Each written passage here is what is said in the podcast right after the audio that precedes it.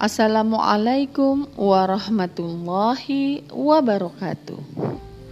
Jumpa lagi dalam podcast Wanita Perindu Surga. Komunitas muslimah yang merindukan surga menyimak kisah-kisah wanita solihah menjadi inspirasi terbaik di dalam kehidupan. Menjaga keistiqomahan dalam beramal, mengharap ridho ilahi. Sahabat, detik waktu terus berjalan.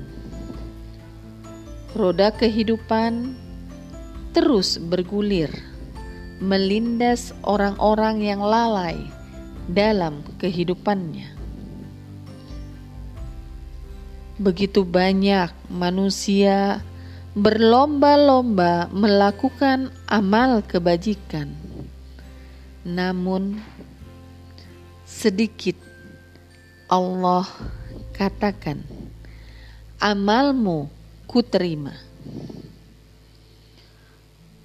Mengapa hal ini bisa terjadi? Seakan-akan kelelahan, kesusahan yang telah dilakukan tidak bermakna, tidak berbuah pahala, namun mendapat siksa api neraka. Dalam surat Al-Qasiyah ayat 3 sampai 4 Allah menceritakan keadaan salah satu penduduk neraka. Amilatun nasibah. Tasla naron hamiyah. Rajin beramal lagi kesusahan namun memasuki api yang sangat panas, yaitu neraka.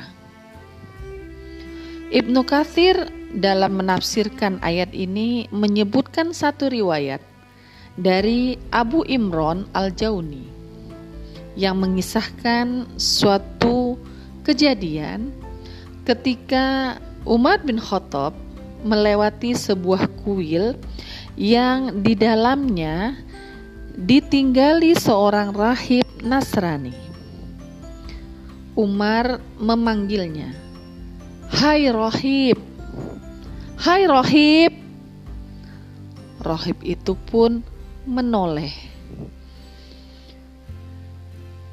Dan saat itu Umar pun tertegun terus memandangi sang rahib dia bisa melihat begitu banyak bekas-bekas ibadah di tubuh sang rahib. Dan tiba-tiba Umar pun menangis. Ketika ditanya, "Wahai Amirul Mukminin, apa yang membuat engkau menangis? Mengapa engkau menangis ketika melihatnya?" Jawab Umar, "Aku teringat firman Allah di dalam Al-Quran yang berbunyi Amilatun nasibah tasla naran hamiyah Rajin beramal lagi kepayahan namun memasuki neraka yang sangat panas. Itulah yang membuatku menangis. Jelas Umar. Sahabat, wanita perindu surga yang disayang oleh Allah, sehingga dalam hal ini kita harus mengetahui dan menjadi suatu kewajiban untuk mengetahui apa yang menjadi syarat sebuah amal diterima oleh Allah Subhanahu wa Ta'ala, dan dalam hal ini ada tiga syarat yang harus kita penuhi, sehingga amal kita diterima dan tidak tertolak. Yang pertama adalah iman. Adanya keimanan kepada Allah dengan mentauhidkannya. Dalam surat Al-Kahfi ayat 107 Allah berfirman Innalladzina amanu wa amilus solihati kanat lahum jannatul firdausi nuzula. Sesungguhnya orang-orang yang amanu beriman dan wa amilu solihah yang melakukan amal solih bagi mereka jannatul firdaus surga Firdaus Nuzulan. Itulah tempat tinggal mereka. Masya Allah. Sehingga Iman kepada Allah merupakan penentu syarat sebuah amal layak dan bisa diterima oleh Allah Subhanahu wa taala. Dan iman itu yang kita kenal sekarang dengan nama akidah Islam di mana dasarnya adalah iman kepada Allah, iman kepada para malaikatnya, iman kepada kitab-kitabnya, iman kepada rasulnya, iman kepada hari akhir, dan iman kepada takdir yang baik dan yang buruk. Dan dasar ini semuanya dijelaskan oleh Al-Quran, Kitabullah, dan Sunnah Rasulnya. Terkait dengan iman, Malaikat Jibril pernah bertanya kepada Nabi Shallallahu Alaihi Wasallam, dan Rasulullah menjawab bahwa iman itu adalah engkau mengimani Allah, para malaikatnya, kitab-kitabnya, para rasulnya, hari kemudian, dan mengimani takdir yang baik dan yang buruk. Hadis riwayat Muslim. Maka jelaslah bagi kita Iman merupakan syarat utama dan pertama untuk bisa diterimanya sebuah amal. Syarat yang kedua adalah ikhlas. Ikhlas karena Allah Subhanahu wa Ta'ala. Artinya, yaitu membersihkan segala kotoran, membersihkan sesembahan-sesembahan selain Allah dalam melakukan aktivitas ibadah kepada Allah. Juga dalam melakukan amal perbuatan semata-mata hanya untuk Allah dan untuk mencari ridho Allah.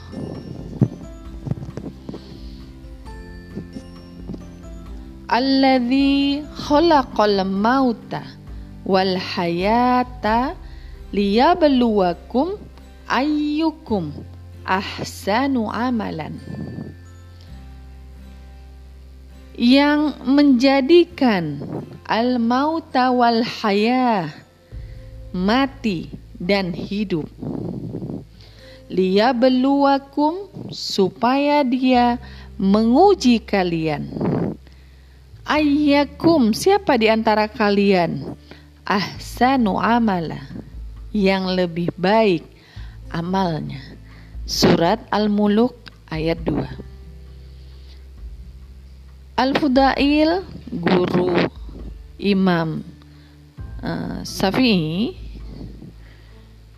menjelaskan terkait dengan ayat ini yaitu pada pembahasan tentang amal yang baik berkata bahwa yang dimaksud dengan yang lebih baik amalnya dalam ayat itu adalah yang paling ikhlas dan paling benar. Sedangkan ikhlas itu berarti dikerjakan semata-mata karena Allah. Benar artinya dikerjakan sesuai dengan perintah hukum syara menurut as-sunnah. Lalu Al-Fudail membacakan ayat Al-Kahfi ayat 110 yang berbunyi famang kana yarju liqa'a rabbih falyamal amalan solihan wala yusrik bi ibadati rabbih ahadan barang siapa yang mengharap perjumpaan dengan Rabbihi Tuhannya fal ya'mal maka dia mengerjakan amalan solihan. Amal-amal solih. Wala dan janganlah yusrik mempersekutukan bi'ibadati dalam beribadah kepada Robnya selain kepada Robnya. Maka tidak diperbolehkan menyekutuinya selain kepada Robnya ibadah tersebut. Allah berfirman di dalam surat An-Nisa ayat 125 yang berbunyi waman ahsanu dinan mimman aslama wajhahu lillahi wa huwa muhsin. Dan siapa ahsan yang lebih baik dinan agamanya mimma dari orang-orang yang aslam, yang ikhlas, wajahahi menyerahkan dirinya kepada Allah, wajahahu lillah menyerahkan dirinya kepada Allah, wahwa muhsin. Dan dia mengerjakan kebaikan. Maka jelaslah bagi kita yang dimaksud dengan menyerahkan diri kepada Allah adalah memurnikan tujuan dan amal perbuatan semata-mata karena Allah. Dan yang dimaksud dengan mengerjakan kebaikan adalah mengikuti Rasulullah Sallallahu Alaihi Wasallam dan sunnah beliau. dan jangan sampai kelelahan yang kita lakukan di dunia namun tidak sedikit pun Allah menerimanya karena kita tidak ikhlas. Allah berfirman bagi orang-orang yang melakukan amal perbuatan bukan karena Allah di dalam surat Al-Furqan ayat 23 Allah berfirman wa qadimna ila ma amilu min amalin faja'alnahu habaan manthuron dan kami hadapkan kepada apa-apa yang menjadi amalan-amalan mereka lalu kami jadikan amalan itu bagaikan debu yang berterbangan. Na'udzubillah Thumma Na'udzubillah. Sungguh suatu kerugian apabila amal yang sudah susah payah dilakukan penuh dengan kelelahan dan kepayahan kemudian Allah sebutkan bagaikan debu yang berterbangan. Karena tidak dilandaskan kepada as-sunnah dan ditujukan karena tidak ditujukan kepada Allah. Sabda Rasulullah sallallahu alaihi wasallam, "Innallaha azza wa jalla la yaqbalu minal amalin illa ma kana lahu khalison wa bihi wajhuhu. Innallaha sesungguhnya Allah azza wa zalla la yakbalu tidak menerima minal amal suatu amal illa kecuali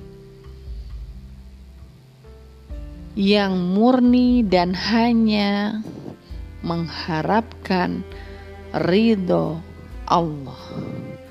Hadis riwayat Abu Daud dan Nasai. Selanjutnya, syarat yang ketiga adalah al ittiba sesuai dengan yang dicontohkan dan dilakukan oleh Rasulullah Sallallahu Alaihi Wasallam.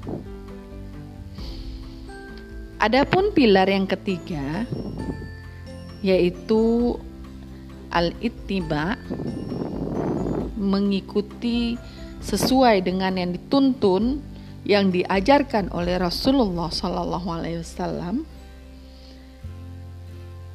uh, ini sesuai dengan perintah yang Allah berikan kepada kita agar mengikuti Rasulullah dan menjadikan Rasulullah sebagai kudwah dalam firman-Nya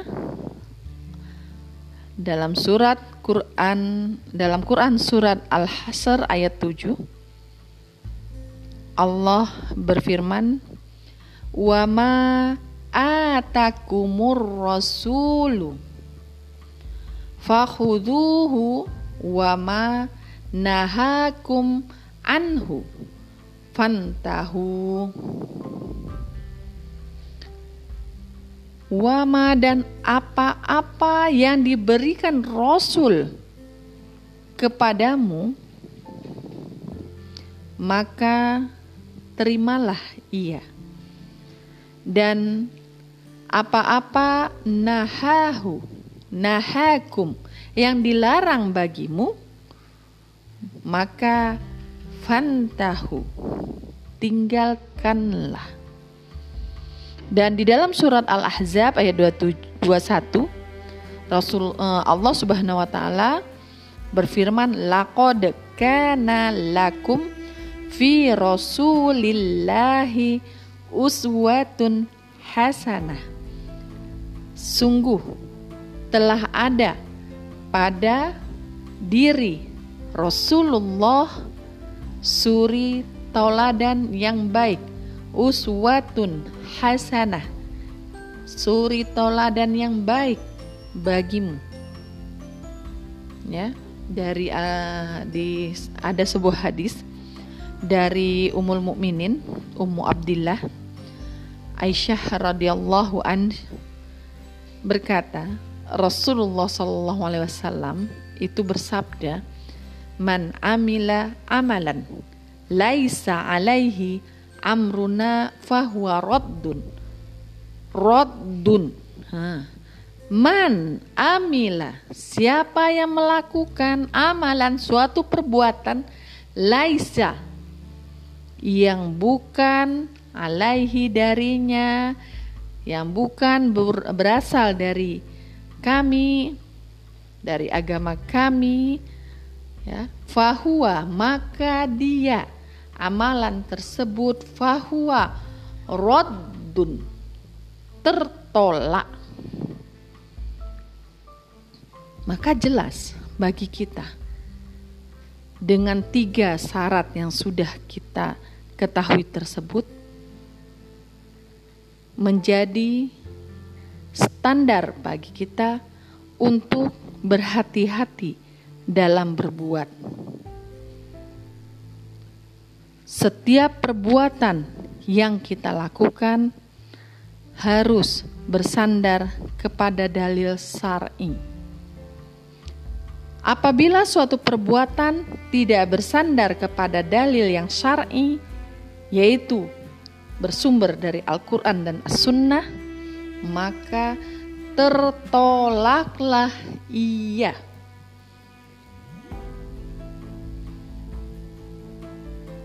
Dengan kata lain, amalan yang tidak dicontohkan oleh Rasulullah Sallallahu Alaihi Wasallam, yang tidak diperintahkan oleh Allah, merupakan suatu amalan yang sangat buruk dan merupakan salah satu dosa besar.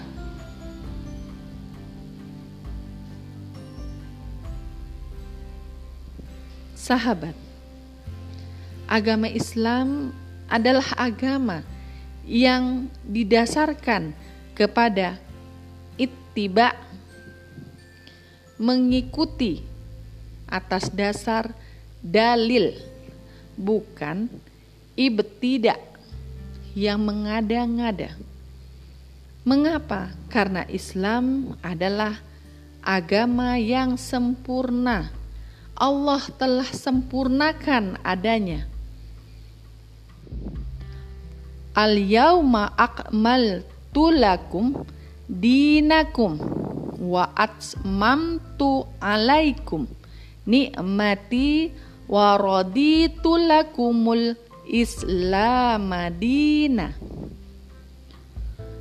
Al yauma pada hari ini telah aku sempurnakan untukmu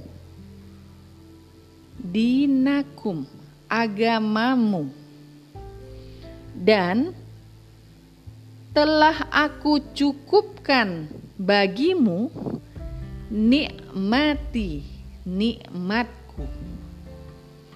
dan waraditulakum telah aku ridhoi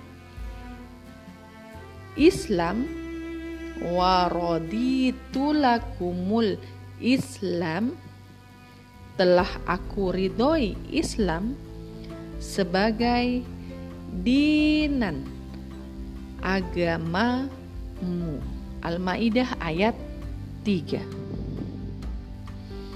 Jadi, semakin jelaslah bagi kita bahwa ittiba, uh, ittiba yang kita lakukan itu semuanya harus berasal dari Al-Quran dan As-Sunnah dan itu adalah sebaik-baik amal perbuatan.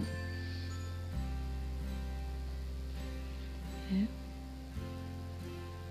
Yang harus kita fahami ketika syarat tersebut harus selalu menjadi standar kita untuk melakukan sebuah amal perbuatan, sehingga amal tersebut diterima oleh Allah Subhanahu wa taala. Bagaimana jika salah satunya tidak terlaksana? Jika itu terjadi, maka jelaslah amalan itu pun tertolak.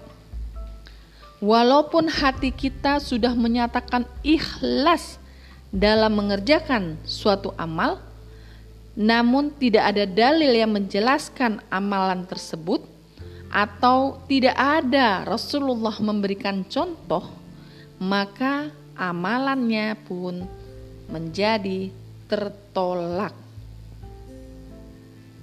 Begitu juga sebaliknya, apabila kita sudah bersesuaian dengan tuntunan Rasulullah Sallallahu Alaihi Wasallam, sudah mengikuti dengan apa yang dicontohkan oleh Rasulullah, namun hati kita tidak ikhlas karena Allah Ta'ala,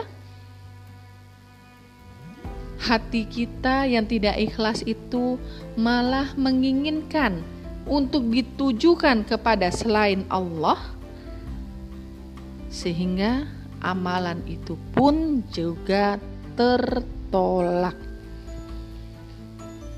Jadi, tiga syarat tersebut haruslah selalu melekat pada amal-amal perbuatan yang kita lakukan, baik itu amal ibadah maupun amal perbuatan yang lainnya.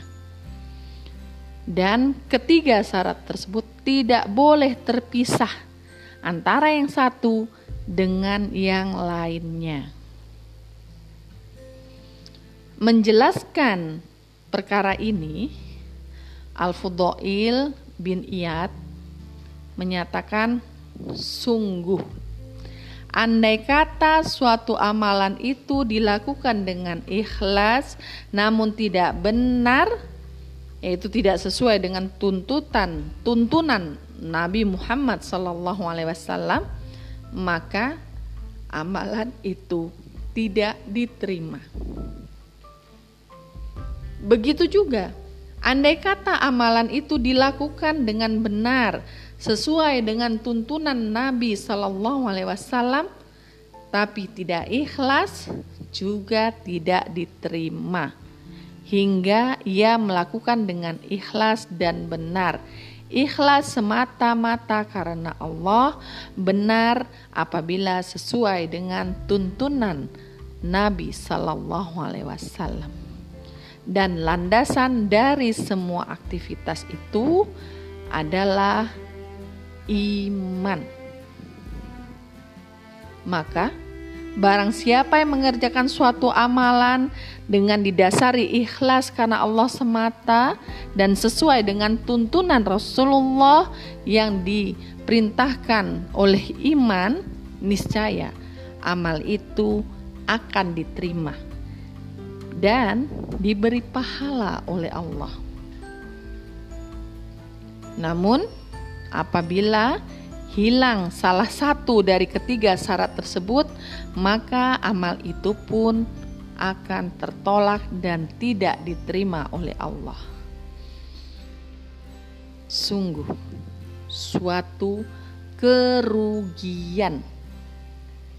Beramal dengan susah payah, penuh kelelahan, namun sia-sia.